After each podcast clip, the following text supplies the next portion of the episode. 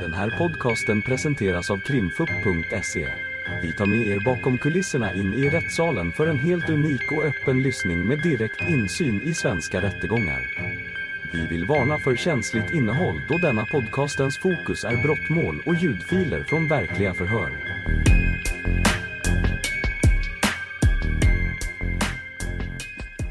Ja, då har vi vittnesförhör med Lisette Bergqvist. Varsågod åklagaren. Ja, tack. Ja, du ska höra om dina, dina upplevelser här natten till eh, julafton Mm. förra året. Och eh, jag vill först att du berättar för oss eh, vad arbetar du med och vilken erfarenhet har du utav det? Jag jobbar på barnakuten som undersköterska. Mm. Så att jag bemöter ju väldigt mycket sjuka barn med både ambulans och inkommande själv med föräldrar. Mm. Hur länge har du varit där? Nu har jag varit där i ett, två och ett halvt år. Och eh, då vill jag att du med egna ord berättar om vad som händer den här natten, och, alltså ur ditt perspektiv, det som du är med om. Och sen ställer jag kompletterande frågor sen till dig. Ja, det börjar med att det var ganska lugnt liksom. Pappa kommer in med flickan och de andra tar in henne för att skriva in henne och så vidare. Min andra kollega ringer till giftcentralen angående ättikan och jag sitter mest och tar det lugnt liksom på expeditionen. Och sen ser jag eh, de tar in flickan i eh, vårt akutrum. Förstår då att det är något som är värre. Går in efter eh, min andra kollega och blir eh, tillsagd att ringa öron och hals. Ursäkta, nu hörde inte detta. Att ringa öron och hals Ja? för att eh, på grund av att hon var i så pass dåligt skick. Springer och ringer och då har de även larmat 50 000 så akut liksom grejen som vi har som kommer till oss vid sådana här typer av grejer. Och jag springer och håller dörren öppen och fri så att de kan ta sig in till flickan. Eh, sen väl i akutrummet minns jag inte så mycket mer än att jag frågar pappan om han, hur det är. Om han vill ha något att dricka, någon saft. Fall, för ibland kan det vara att föräldrarna känner sig lite svimfärdiga. Det är ingen bekväm situation för dem alls att vara i med ett sjukt barn. Och pappan då svarar att det är lugnt, han är van. Och jag får direkt lite dålig magkänsla men försöker mest fokusera på Zoe. Och då eh, försöker vi slita, för eftersom hon är så kall så tar vi och fyller massa handskar med varmt vatten och lägger in till henne för att få upp kroppsvärmen för vi hade redan slitit ut allt ur vårt värmeskåp som gick och hon fortsatte bara vara kall liksom. Och sen efter vad läkarna ville ha så sprang jag och hämtade. Mm. Och dina iakttagelser utav pappan, kan du berätta? Ehm, Jag upplevde pappan som väldigt lugn och eh, inte alls så brydd överhuvudtaget där inne i akutrummet. Mer som att vilja för oss förtydliga om att han var bäst här för henne liksom. Vilket föräldrar brukar oftast vara men jag kände inte riktigt i situationen att det var så. Eh, Jag stötte även på han sen uppe på eh, BIVA när jag sprang upp med grejer till dem som de hade glömt ner hos oss. När de hade tagit upp flickan. Eh, Där pappa kommer ut från ett rum. Och eh, frågar, jag minns inte helt vad han frågar, men om han kunde gå tillbaka. Och jag svarar nej. Och säger att du får stanna här där de har satt dig nu. Och jag upplever han som obehaglig i magkänslan. Och när var det? Var det i samma veva? Ja. Eller samma natt? Ja. Eller dag? Natten? Ja. För de hade glömt personnummer och lite sånt som de behöver. Så att jag tog det och sprang upp så de kunde få det så snabbt som möjligt. Mm. Du fick en obehagskänsla sa du. Ja. Men det här du sa att jag är van. Mm. Jag vet att du har sagt det under förundersökningen också. Berätta om det. Hur kom det sig den replik? Sätt in den i ett sammanhang. Det var, jag fick fria händer och då tänkte jag som undersköterska att mitt ansvar är föräldern lite också. När det var så mycket folk runt flickan. Så då tänkte jag då ser jag med han om han vill sätta sig ner, om han vill ha lite saft med socker så att han kan känna sig pigg fortfarande. Men han står rakt upp och kollar framåt och säger jag är van, det är lugnt. Och inte mer än det. Vill inte ha något av mig. Eh, s- sa han någonting om eh, flickan Zoe som hon heter som du kan komma ihåg? Jag tror han nämnde med att hon skulle ha en hjärnskada och därför behövde han vara nära. Men jag sa nog till att det är bättre att du stannar här. Lite vid sidan av. Så länge.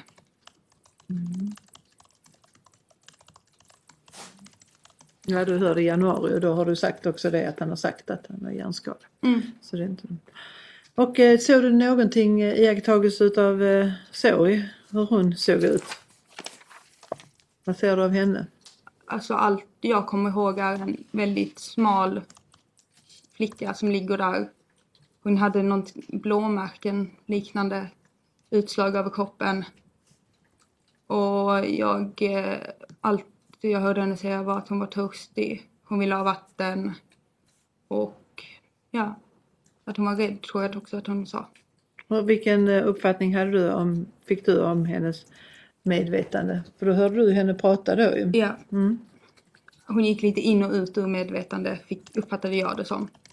Ena sekunden kom hon, kom hon ur det och sa då att hon var törstig och så. Och andra sekunden var det som att hon inte riktigt var där. Och eh, vad sa du om skador som du iakttog på henne? Eh, det var som lite svarta fläckar eller blåmärken på ben och armar. Och vad jag minns låg hon bara i en liten, ett litet linne och antingen ett par trosor eller en blöja. Något vitt var det. Du har sagt någonting om hennes eh, händer och fötter i förhöret här. Kan du komma ihåg det? Jag är på sidan 27 nu i aktbilaga 178. Det är inget jag minns. Mitt på sidan, sidan se här. 27. Ett ögonblick bara.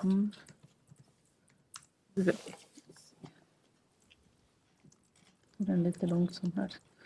Sidan, aktiebolag 178.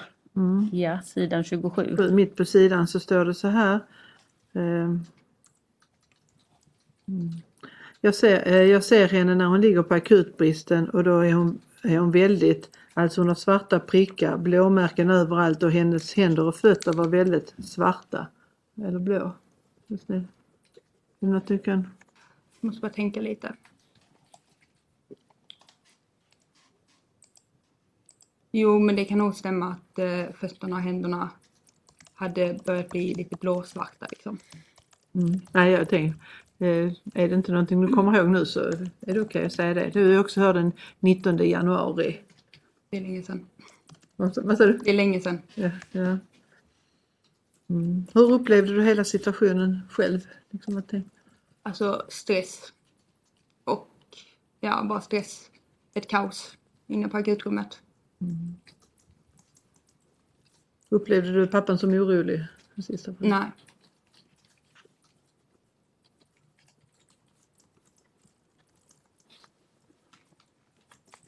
Jag ska bara sätta den här.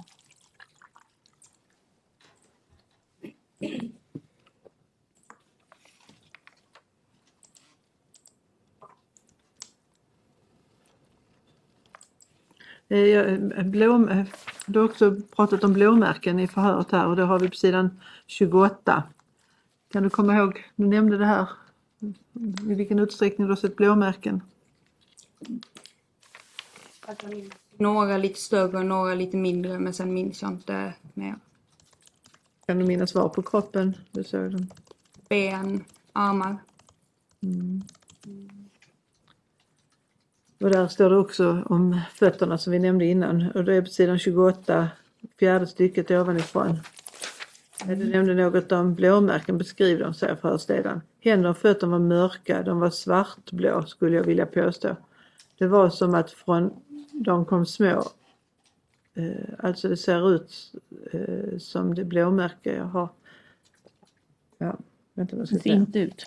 Ja, alltså det ser ut som det blåmärke jag har på armen. Utan hennes var inte, eh, var mer svarta, mörklila blå. Och så hade, de, hade hon dem lite överallt. Ja. Du hade jämfört med, du jämförde med ett eget blåmärke tydligen och sa att det inte såg ut så. Men det var väldigt mörka. Alltså det var, ja som du säger, svart, blå, mörka blåmärken liksom. Hade du någonting med henne sen att göra eller var det bara? Upp till BIVA med personalen. Och sen såg jag ingenting mer av henne efter det. Och när var det? Hur lång tid var du inkopplad? Kan man- 20 minuter kanske. Jaha, det är inte Det är längre. inte längre än så. Det är inte längre utan det är 20 minuter. Alltså bara under tiden hon var nere hos oss så jag tror inte det tog mer än så lång Ja, tid. ja. Av jag minns. ja. det är Ett snabbt händelseförlopp då för dig. Ja. Ja. Nej tack, inga fler frågor. Nu, Malin var Rally. Inga frågor. Några frågor från försvarets sida? Tack ordförande. Ja, varsågod. Hej. Hej. Du pratar ju nu om de här äh, prickarna.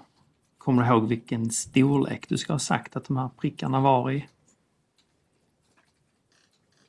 Kanske som en 10 krona. Vissa och vissa betydligt mindre. Och var fanns de någonstans? Armar och ben.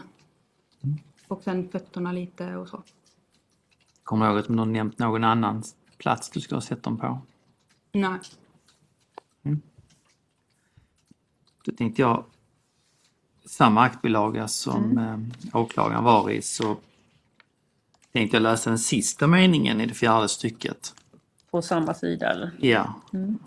Åklagaren läste hela stycket men läste inte sista, Sista meningen. meningen. Mm. Utan då hade han blåmärken. Sen såg man att hon var full av prickar över bröstet och magen. Det är inget jag minns längre. Nej. Och sen berättade allt som en krona och 10 kronor. Mm. Har du något minne om du eh, har diskuterat detta med andra senare? Ja absolut, vi har ju pratat, vi kollegor. Men inget om eh, vår, alltså mer än det här liksom. Alltså om vår upplevelse på akutrummet när vi sen, när de hade gått så var vi tre stycken kvar som pratade lite om det för att kunna släppa det och gå vidare så att vi kan fortsätta göra vårt jobb. Och den avdelningen, är det BIVA du är på då eller? Barnakuten. Hjälp mig här, är det olika? Ja, barnakuten är nere där de kommer in först och sen BIVA är barnintensivvårdsavdelningen där Zoe hamnar efteråt. Ja. Så du har ingenting att göra med BIVA? Nej, Nej. jag var bara där uppe och lämnade saker som de behövde. Har du diskuterat med dem på BIVA dina iakttagelser? Nej. Nej. Du uppger faktiskt lite annat i ditt förhör. Mm. Du har inget minne av det? Nej. Nej. Det är samma aktbilaga. Så det är sidan 29, det är sista stycket där. Är det något du tänker att vi har glömt att fråga dig Lisette? Fråga.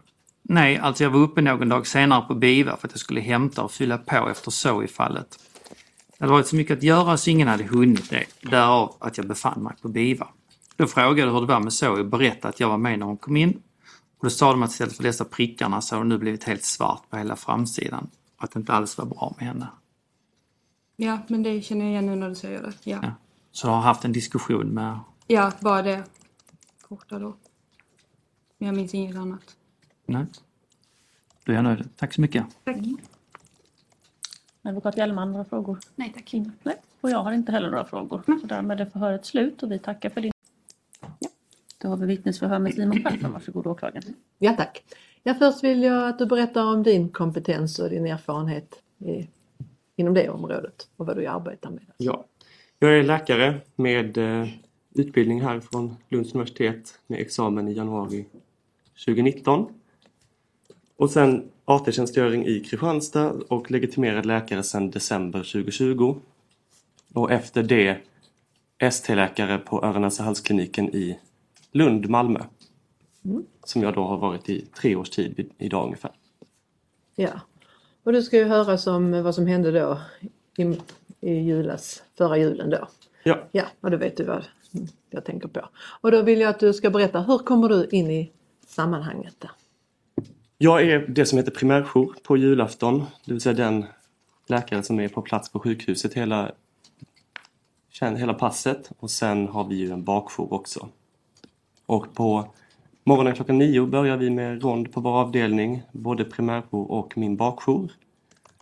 Och då får vi till oss från min kollega Martin Hammelin då, som har varit primärjour på natten. Att det tidig morgon har kommit in en patient som varit svårt sjuk och man misstänkt frätskador i munhålasvalg, matstrupe. Och att det är planerat att det ska göras en undersökning i narkos, alltså i sövt tillstånd dagtid. Och att det kommer jag och min bakjour Johanna Sjöwall bli inblandade i. Så att man får en rapport så att man kan lägga upp sitt arbete för dagen och vet vad som Ja. ska göras. Ja. Och eh, det, vår målsägande heter ju då Zoe som Ja. alla vet då. Ja. Har du eh, träffat henne i vaket tillstånd någon gång? Det har jag inte gjort. Utan, och, Utan vi har blivit kallade till operationssalen Mm. och då har narkospersonal. kan du berätta om eh, dina iakttagelser utav Zoe när du kommer in i operationssalen? Gör du något särskilt? Ja, precis. Jag, ju, jag vet ju hur gammal flickan är efter, efter att ha sett hennes personnummer. Men får direkt en känsla av att hon är yngre än så. Tre, fyra år gammal ser flickan ut att vara tycker jag. Väldigt mager, gulaktig hy. Nästan som jag har sett vuxna med leversvikt ha. Minns att magen var alldeles uppspänd också. Något annat du kan tänka på? Sen blir det ju när man... För mig det, var, det är att man under liksom operationen också ser till att hon av sig sina egna kläder och på med sjukhuskläder. I alla fall så var hon utan kläder och då hade hon ju flera andra skador. Jag minns ett, ett sår som jag tror satt på höger skinka och att hon också blödde från underlivet. Och hennes allmäntillstånd i övrigt, är det någonting speciellt du tänkte på? Ja men såklart fick man det till en känsla av att hon var smutsig, vanvårdad. Eh, Din, eh, du sa att du fick en känsla av det. Varför fick du en känsla av det? Eller utifrån vad jag såg. Och vad såg du? Vad såg du? Men mager, yngre än vad man såg ut som en 3-4-åring när hon egentligen är 7 år. Undernärd. Och du sa, såg du någon smuts på henne? Ja, Typ. eller liksom brungul hy. Fläckig. Och vad är det för undersökning du gör? Du gör den tillsammans med Johanna då? Precis, som vi, vi, vi, vi, inleder själva undersökningen avseende då de här misstänkta frätskadorna. Och då börjar vi titta med i, i munnen och det gör man med liksom finger i munnen, lyfter på kind, lyfter och kollar kring tänder, tandkött, munslemhinna, läppar, gommen, kring halsmandlarna och så jobbar man sig systematiskt tunga längre bak. Så det första är en rent visuell besiktning. Nästa steg är att vi använder en slags kurverad kamera som man glider med ner längs tungan, lyfter upp tungan, då får man en fin bild av svalget. Längre bak i svalget i sin helhet. Och då noterar vi ett sår i bakre svalgväggen. Men i övrigt inga synliga skador. Vi tycker att alla andra fynd är normala. En oretad slemhinna i mun och svalg. Kan du säga någonting om det såret då? Hur ser det ut och vad är din tanke runt det? Ja men precis, det ser ut som ett skrapsår helt enkelt. Ett skrapsår? Ja. ja. Skilt från matstrupens ingång sen. Att det är... Du har det här skrapsåret, sen har du frisk slemhinna runt omkring. Reagerar du över att hon hade ett skrapsår i halsen? Eller? Inte på något annat sätt än rent eh, objektivt att eh, här ser vi ett skrapsår som vi journalför.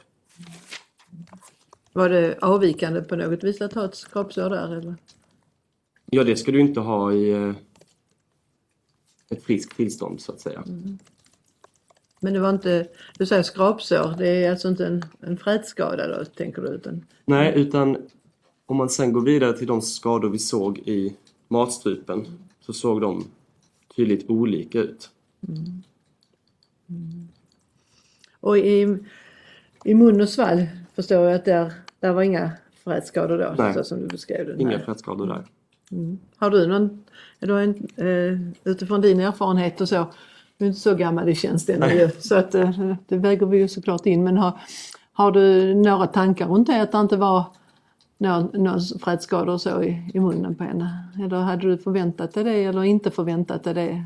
Precis, det vi, det vi eh, lär oss är att man kan aldrig, man kan aldrig utesluta frätskador längre ner mot matstrupe och magsäck om det finns en avsaknad av skador i mun och svalg.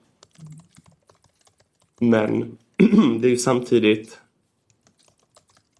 det är klart man tycker det är märkligt att det skulle vara en så skild gräns där det i ena delen är helt friskt och andra delen väldigt utbredda skador. Mm. Man tycker att det borde vara en mer jämnare bild, en jämnare övergång mellan skadorna. Eh, vet du, nu har ni ju varit inne med instrument i halsen på henne. Som du beskrev. Vet du om det var någon som har varit inne med instrument i halsen in, innan er i halsen? Precis, jag antar att min kollega har tittat med en liten kamera genom näsan. För att det vi gör först när man kommer in med en misstänkt frätskada det är att det kan bli väldigt snabba skador som gör att svalget svullnar igen väldigt snabbt så man kan få kraftig andningspåverkan och liksom andningsstopp. Så det är den mest akuta bedömningen vi behöver göra direkt när hon kommer in. Och din kollega, är det då Johanna? Eller? Nej, Martin Hammerlind Ja, då som ja. jobbar Mm. på natten. Så han har tittat med en, med en mjuk kamera som man liksom håller i luft hela vägen Mm. och sett att det är ingen svullnad, gissar jag då. Mm. Och sen har man tagit beslut om att söva flickan. Mm. Och då behöver man ju stoppa ner en luftvägstub i halsen för att kunna ventilera henne via en respirator. Och då använder man ett liknande sånt här kuverat blad som man för ner i, längs med tungan ner i tungbasen och lyfter upp den så att man sen kan stoppa i den här slangen. Eh, också en spontan eh, tanke från dig i så fall. Eh, Tänker du att det här ska- skrapsåret skulle kunna uppkommit genom en intubering? Eller vad tänker du? Ja, rent teoretiskt, men det är ju någonting man upptäcker själv och det bör den som har gjort intuberingen tydligt kunna... Det märker man om man gör en sån skada. Eh, Är det ett misslyckande om man intuberar någon och man skadar på det viset? Då, Ja, då har man varit vårdslös egentligen. Då har man varit vårdslös? Ja, eller liksom... Det är klart allt hårt som du trycker in i svalget kan ju ge skador, men det är inte... Det ska vi inte göra. Då har vi ju gjort fel. Ja, mm, ja, precis. Alltså varit för hårdhänta. ja tack. Jag har inga fler frågor. Nej. Malin Wahlqvist Reilen några frågor? Eh, nej. Nej. Några frågor från försvarets sida? Advokat Elvingsson? Tack ordförande. Jag uppfattar det som att du antar att din kollega har tittat med en kamera ner. Ja, precis. Jag har inte fått hans hela berättelse. Så du vet inte vilka instrument han har använt. Nej, jag vet vilka instrument vi har att tillgå. Och hur jag själv hade gjort i den här situationen. Har du nämnt att det skulle kunna vara någonting annat som skulle kunna ha gjort detta märket i halsen? Nej, jag har inte reflekterat eller tänkt något närmare vad som skulle kunna ha orsakat det. Om man till exempel skulle ha ätit någonting. Jag kan inte uttala mig om vad det är som har orsakat det. Du Det finns ju ett förhör där du pratar lite om det, att det skulle kunna vara någonting man har ätit. Är det någonting du minns? Jag minns att jag fick en fråga om detta. Ja. Kommer du ihåg vad du svarade? Jag tror det är ju det är en skada som jag tänker har uppkommit av ett hårt föremål. Och att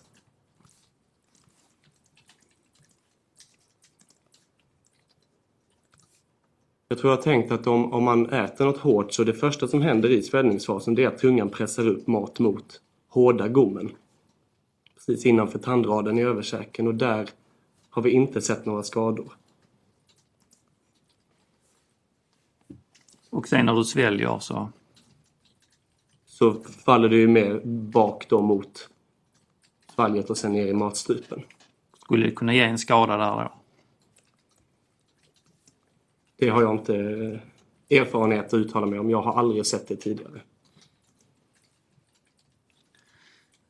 Du tänker påminna dig Ja, vad du säger i ditt förhör med rättens tillåtelse. Mm. Och var är vi då? Då är vi i aktbilaga 178. Ja.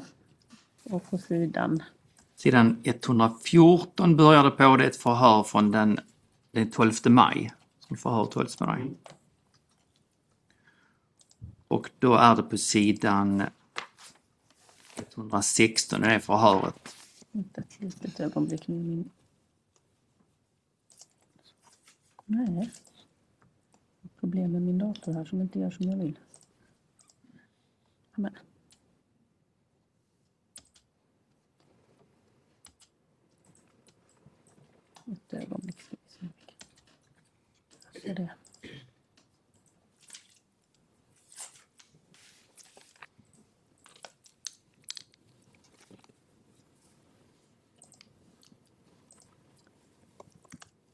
114 sa vi va?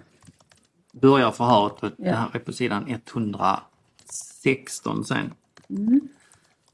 Och det andra stycket nerifrån mm. så får du frågan vad skulle det annars kunna vara? Kan man få sådana skador av att till exempel äta något hårt och svälja för snabbt? Ja, rent teoretiskt skulle man ju, skulle man ju det. Ja, eller det, det blir ju ett svar på... Om man istället vänder på det så, så eh, kan jag inte alls säga exakt vad det är som har gjort den här skadan. Utan ett, ett hårt föremål.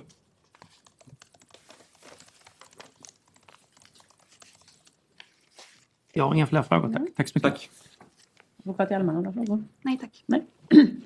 Och jag har inte heller några frågor så därmed är förhöret slut. Då har vi vittnesförhör med Marita Kristoffersson. Varsågod åklagaren. Mm, tack.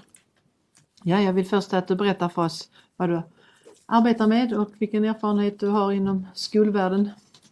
Jag arbetar som rektor och jag är på Öliksskolan.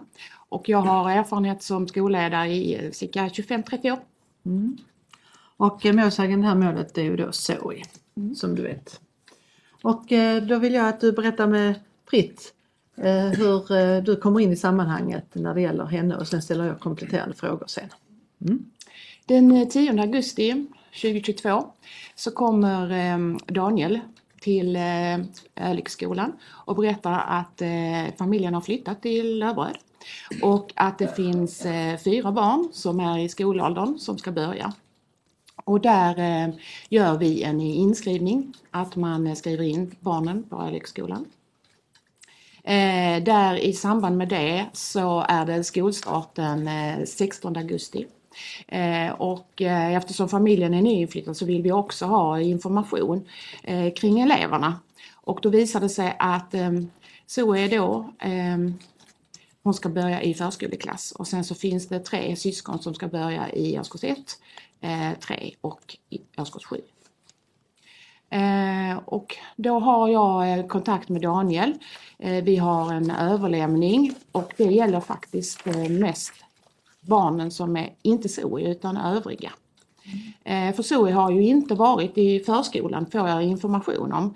Att hon under två års tid inte har varit i förskolan så hon har inte haft någon kontakt med eh, förskola eller så att eh, Är Jag- det, säger han det eller är det någonting du Nej, det, undersöker? säger, det, det får jag ju eh, information om. Ja. Vad, sa du att, vad sa du att det var du som, Jag fick den informationen den? av Daniel. att han, hon inte hade varit i förskola på två år? Eh, och för att när man gör, vi har alltid överlämningar när vi får nya elever. Eh, och det är därav jag frågar, kan vi eh, prata med förskolan? Och då får jag den uppgiften. Eh, vi har överlämning för, eh, där vi kontaktar eh, den skolan där syskonen har gått. Och det är då? Fridasroskolan. Eh, och sedan är det skolstart. Det pratas inte så mycket om Zoe. Eh, men eh, vid skolstart så är inte Zoe i skolan. Eh, och det är den 16 augusti. Eh, Men eh, jag får eh, meddelande för Daniel att hon inte kommer till skolan. Eh, På grund av att eh, eh, hon är sjuk. Och man vill inte att hon, alltså att hon inte ska komma till skolan. Ehm, det finns särskilda behov och då vill han att vi ska prata om det. Så jag har en, senare har jag en telefonkontakt men det är den 18 augusti. Eh, så eh, får jag meddelande. Då är barnen i skolan och övriga syskon. Eh, men inte Zoe. Och då får jag meddelande om att eh, mamma har skadat sig, Jasmin. Så därav är det oro i familjen så att inte Zoe kommer till skolan. Men de andra i skolan då? Eh, inte den dagen. Men eh, sedan är de det. Eh, och vi har kontakt eh, sporadiskt och får hela tiden att nej, på grund av mammas sjukdom så är så är inte i skolan. Är de andra syskonen i skolan då? Ja. Men så är inte i skolan och som ursäkt säger de alltså att Väldigt, alltså jag får ett sms den eh, 30 augusti från Daniel där han beskriver att på grund av att inte eh, på grund av Jasmins olycka och att hon är sjuk eh, och undersökning inlagd på sjukhus så, och eh, det nära samma eh, att så är väldigt fäst vid sin mamma så kan hon inte komma till skolan. Det får jag ett och det beror på att det finns särskilda omständigheter med en nära anknytning till Jasmin som gäller Zoe. Eh, så att därför kan hon inte komma till förskoleklassen. Ehm, och ehm, de är medvetna om skolplikten, står det också i smset. Men det är det här som är skälet. och sen, hur utvecklas det? Sen utvecklas det som att vi har, jag startar den 7 eh, september en frånvaroutredning därför att så är fortfarande inte i skolan. Eh, och jag har en eh, och jag vill ju ha ett möte med föräldrarna. Eh, för att vi måste ju få till skolan. Eh, och då har vi det mötet den och nu kan jag inte säga vilket datum vi hade mötet just, men vi har ett möte där det är Jasmin som är med på mötet. Där vi planerar för hur Zoe ska komma till skolan. Berätta om det mötet så noga du kan. Vad får du för uppgifter? Eh, där får jag uppgifter. Där är det så att det är ehm, de uppgifterna jag får det är att Zoe är, har en ehm, Jasmin berättar att hon har eh, haft eh, syrebrist vid födseln. Där eh, då gör att eh, Jasmin menar på att hon har eh, har svårt att hantera situationer, att eh, hon eh, kan rymma. Man har funderingar kring om det är rätt skolform eh, för grundskolan. Därför man eh, funderar på om hon har nedsatt eh, eh, koordination och så. Eh, och att hon då på grund av att eh, det har varit pandemi och att det finns ett syskon i familjen som har, är väldigt infektionskänslig så har inte Zoe varit i förskolan. Ehm, så man är orolig hon har ett självskadebeteende. Hon, ehm, därför, och hon eh, har svårt med toalettbesök. Eh, hon bär blöja. Eh, så därav är man, menar familjen att det är svårt. Men vi vill ändå att hon ska komma till skolan. Så vi planerar för att hon ska gå en timme per dag i förskoleklassen. Och hur blir det? Zoe kommer sporadiskt, fyra tillfällen. Eh, Jag eh, har kontakt, varför? Då an- anser varför hon inte kommer med. Då är det, uppger man att eh, det är sjukdom i familjen. Så därför så kan hon inte komma till skolan. Eh, och där är också syskonen sjuka, sjuk eh, vissa delar av det men inte alls i den omfattningen. Några fler ursäkter du kan komma på? Ja, det är mycket där, alltså det är ju det här att, eh, att hon, eh, man är rädd att hon ska skada sig eller att hon ska rymma eller att man är osäker över om man, man kan möta henne i förskoleklassen. Från, eh, Vem är det du har kontakt med? eh, framförallt är det Daniel. Och hur går kontakten till? Är det? Det är telefon. Mm. Men efter mötet den i, i september där har det varit ytterligare ett möte i, under vecka 44 där jag träffade bara Daniel och eh, Jasmine. Eh, och där uppger de båda att eh, de är medvetna om att så ska komma till skolan och att det finns skolplikt. Men att de ser att det är svårt för att de är rädda att inte hon ska klara skolgången på olika sätt. Men då uppger jag att vi har, jag har inte fått det till mig att hon inte kan vara. Utan den upplevelsen av vad personalen uppger till mig är att det fungerar väldigt bra. Har du själv träffat Zoe? Nej det har jag inte.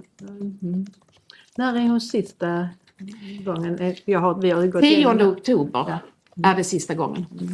10 oktober. Ja. en dag. Ja. En timme. Ja. Det är vid fyra tillfällen. Och eh, efter det, var hon för någon kontakt med familjen eller vad? Ja, sen har vi ett nytt möte.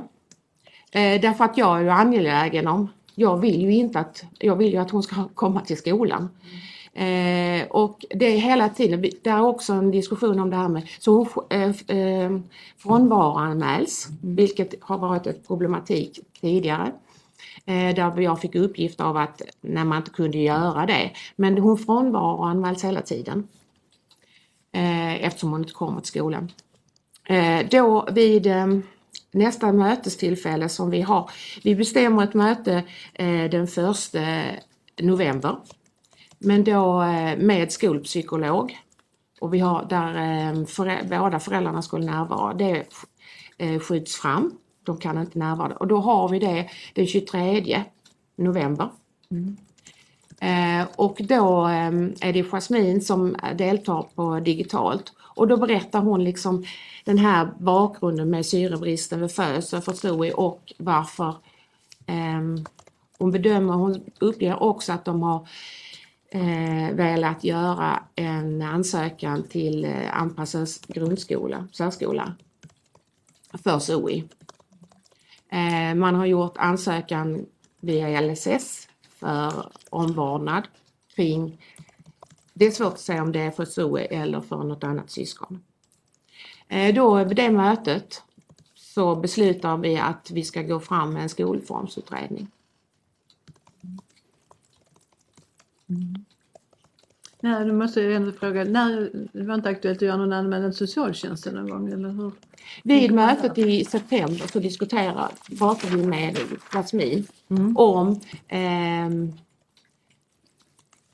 kontakten med socialtjänsten och då uppger hon att det finns. För att det har gjorts en orosanmälan från sjukhuset. Mm. Mm. Och vad händer sen efter det här med beslut om skolformsutredning? Då informerade jag också om att för att Eh, utifrån hur en skolformsutredning går till och vad som krävs och då måste man göra en pedagogisk utredning och eftersom det inte så har varit, med fyra tillfällen på skolan är det ju jättesvårt att göra en pedagogisk utredning. Eh, så därför ehm, vill jag att hon ska komma till skolan så vi kan göra den här, vi måste observera, vi måste se, stämmer det här? Mm. och det uppger Jasmine att ja, absolut, det ska hon göra. Men det sker inte. Hon kommer inte. Eh, det är också beslut, jag har en sms-kontakt med Jasmin Jasmine den eh, 7 december för då är det inplanerat att samordnaren ska träffa Daniel och Jasmine för också planeringen kring skolformsutredningen. För där ingår både ett besök av medicinsk med skolläkare och en psykologisk utredning. Men de kommer inte till detta möte. Och den 11 december är den sista eh, kontakten jag har med Jasmine. Och det är via sms. Jag försöker ringa henne men nej. Jag har ingen kontakt med Daniel.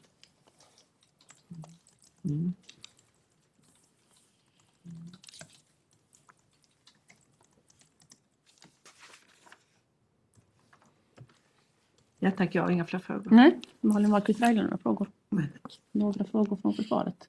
Inga frågor tack. Nej tack. Nej.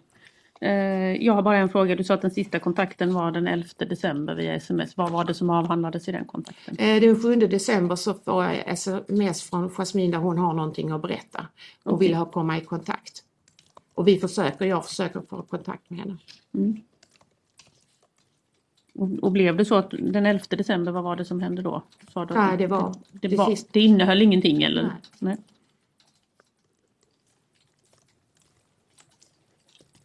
Då så, då har jag inte heller några fler frågor. Så därmed är förhöret slut. Vi stänger av vår inspelning och tackar Ni har lyssnat på ett avsnitt av Krimfupps podcast. Tipsa gärna oss på krimfupp.se om det är någon speciell rättegång ni skulle vilja höra. Tack för att ni har lyssnat.